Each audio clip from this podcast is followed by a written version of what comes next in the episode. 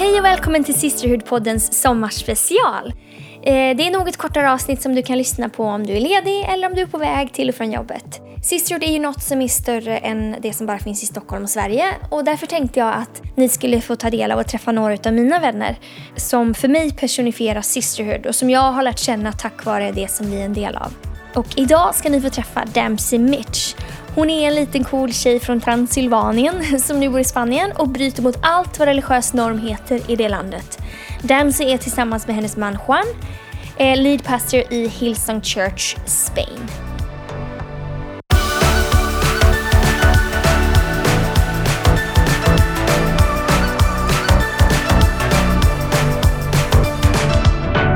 I'm here at Color Conference in Sydney and I'm here with my good friend Dempsey.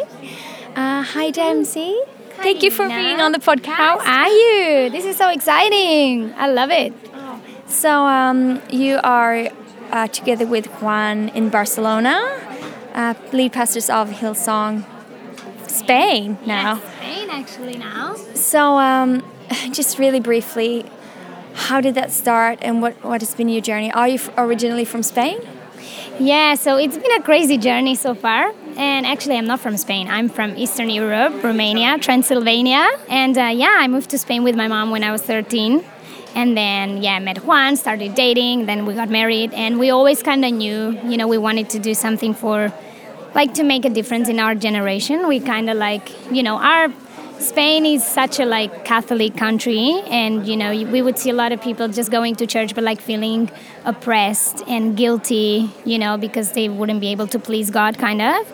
And you know, God just spoke to us, and He was like, "Well, you know, I'm not like how people think I am, and you are not doing anything about it." So we were like, "Okay, we really want to, you know, get ready um, and and do something." So, anyways, we came to Hillsong College, and then um, Juan was here for, for four years. I was here for one year, and then we went back to Europe with no plan. Uh, you know, we just wanted to find a church, get planted, keep serving, and being, you know, under healthy leadership. But then we couldn't find this church, so like we just started to fly to London every second week, and we kind of like made that our home church, Hillsong London. And then after a while, you know, Pastor Gary was like, "It's really cool you're coming and you're loving it, but church is meant to like, you know, make a difference in the place where it is, in the city there it is, and it's not happening in Barcelona. So why, why don't you try a connect group and see how it works?" So we just kind of, we never thought we were starting church. It was just a connect group. We were just giving it a go, and then from that, you know, it just went crazy, kind of. So uh, yeah, crazy journey. That's so cool. And if you have a day off, what would you do?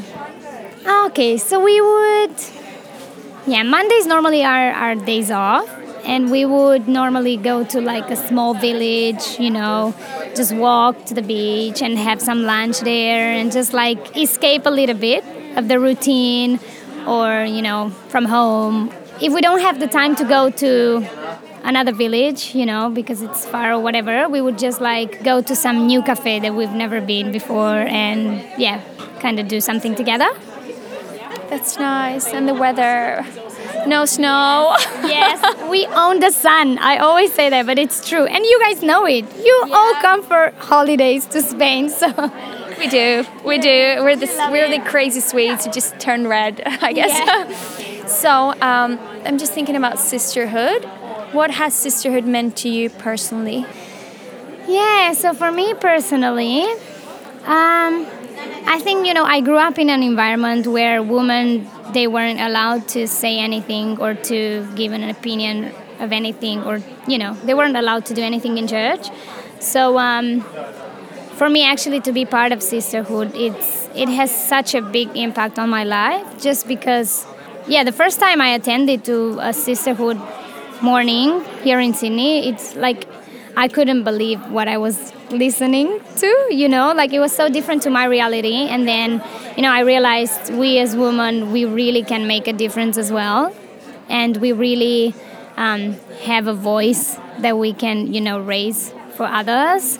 And uh, yeah it just changed my whole mindset of you know women being oppressed and just being there and maybe they could do uh, they could be in the worship team that was like the maximum you know that they could do in church and yeah so like it was a revolution for me. And yeah, just to see that what's happening in Spain through sisterhood, it's crazy because it's so against the culture that we are living in. So yeah.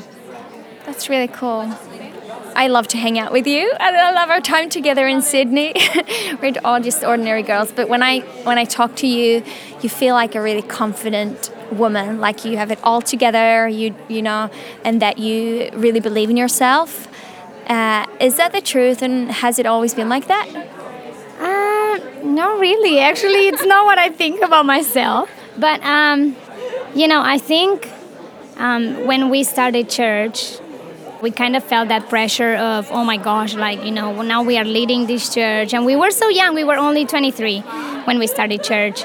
And we didn't know what we were doing. We still don't know what we are doing seriously.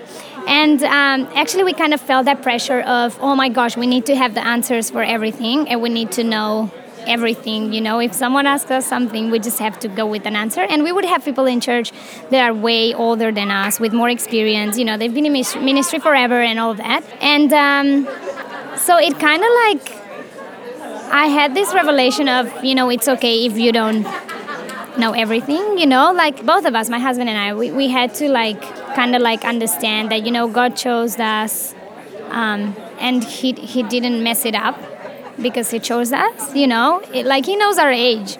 He knows that we, we've never done this before. In that sense, um, that was the way we kind of like, you know, learned. We're still learning to be confident in what, you know, in who we are and in, in what we are doing. Kind of, you know, we, we don't have to act we are someone else or we have, you know, more age than we have. So, if you could talk to yourself 10 years ago to give advice or encourage or anything, what would you say?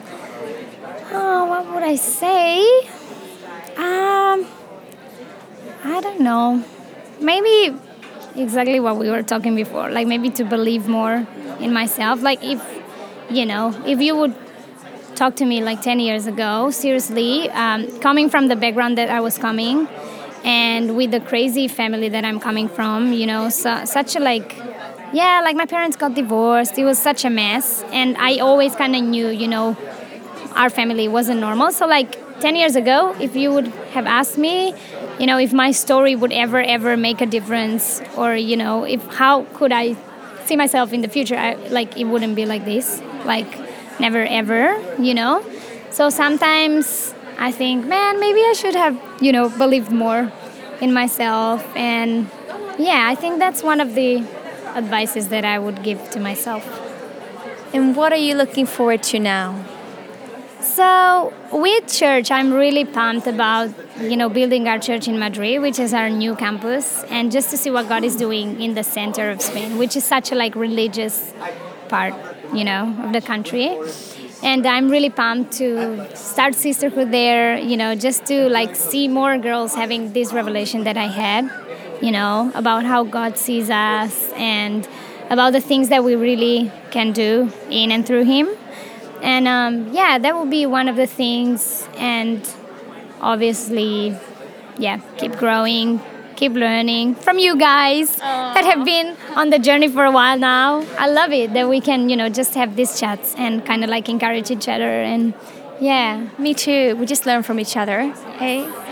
Well thank you for being on the sisterhood pod. Thank you. uh, let's go and and praise jesus. Yeah.